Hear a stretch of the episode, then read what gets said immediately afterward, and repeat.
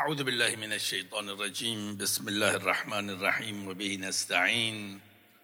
والصلاة والسلام على سيدنا ونبينا وحبيب قلوبنا بالقاسم محمد.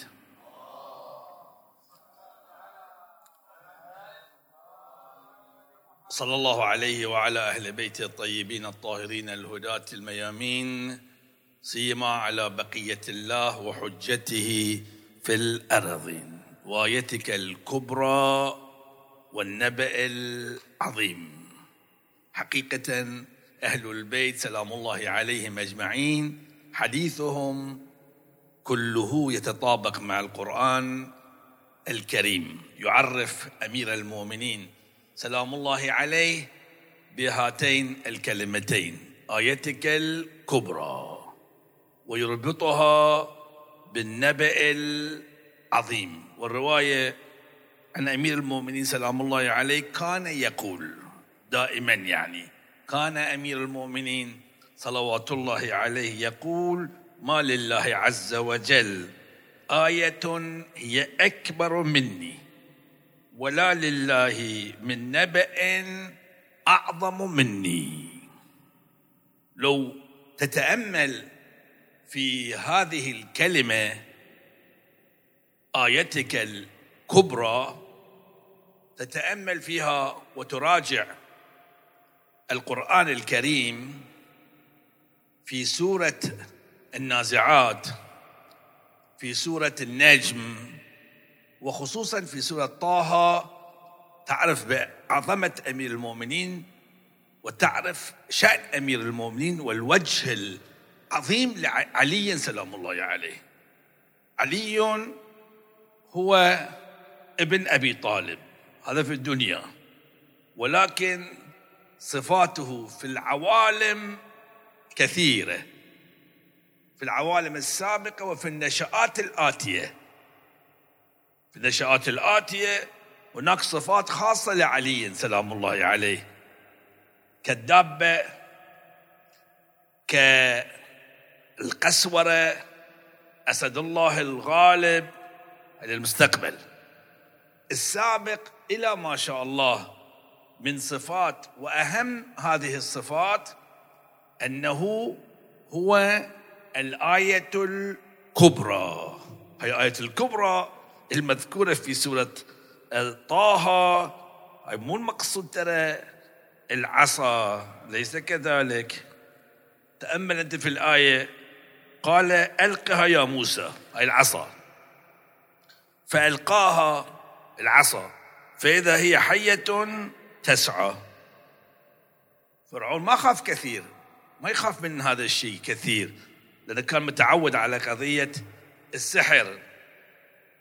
قال خذها ولا تخف سنعيدها. سيرتها الأولى واضمم يدك إلى جناحك تخرج بيضاء من غير سوء.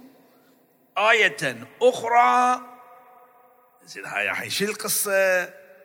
القصة هنا تغيرت. الموقف تغير. يعني مثل ما صار شوشة بين المجموعة الموجودين. كل واحد يتكلم مع الثاني القصة شنو هي؟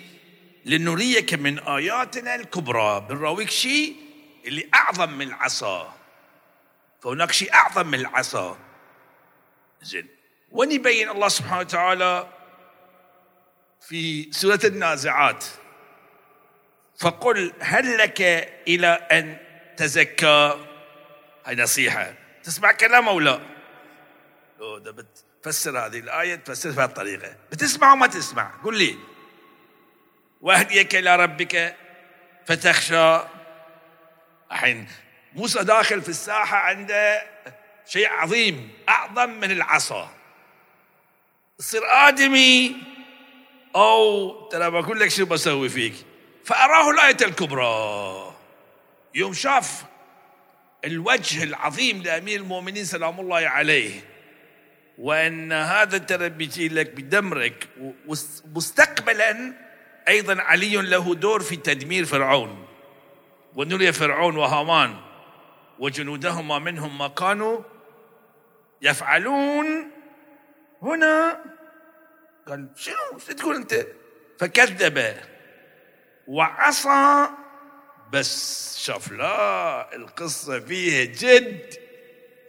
ثم أدبر يسعى فحشر فنادى. قال يا جماعة متورط. شوف موقف فرعون هنا تغير.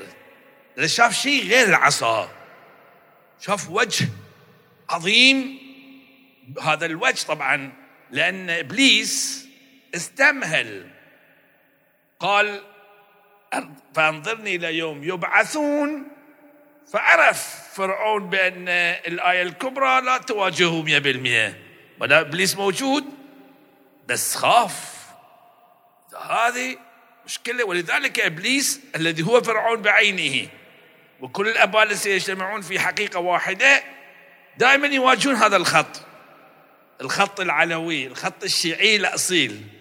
ما يدخلون في أمور الآخرين. ليش؟ لأن هالمجموعة عندهم سلاح قوي. ما هو هذا السلاح؟ الآية الكبرى. أمير المؤمنين سلام الله عليه.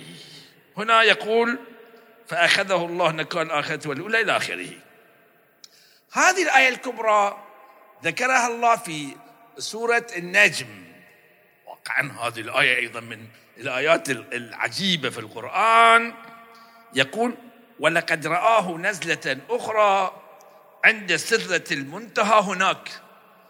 عندها جنة المأوى إذ يغشى السدرة. ما يغشى ما زاغ البصر. وما طغى لقد رأى من آياته الكبرى. هناك شاف؟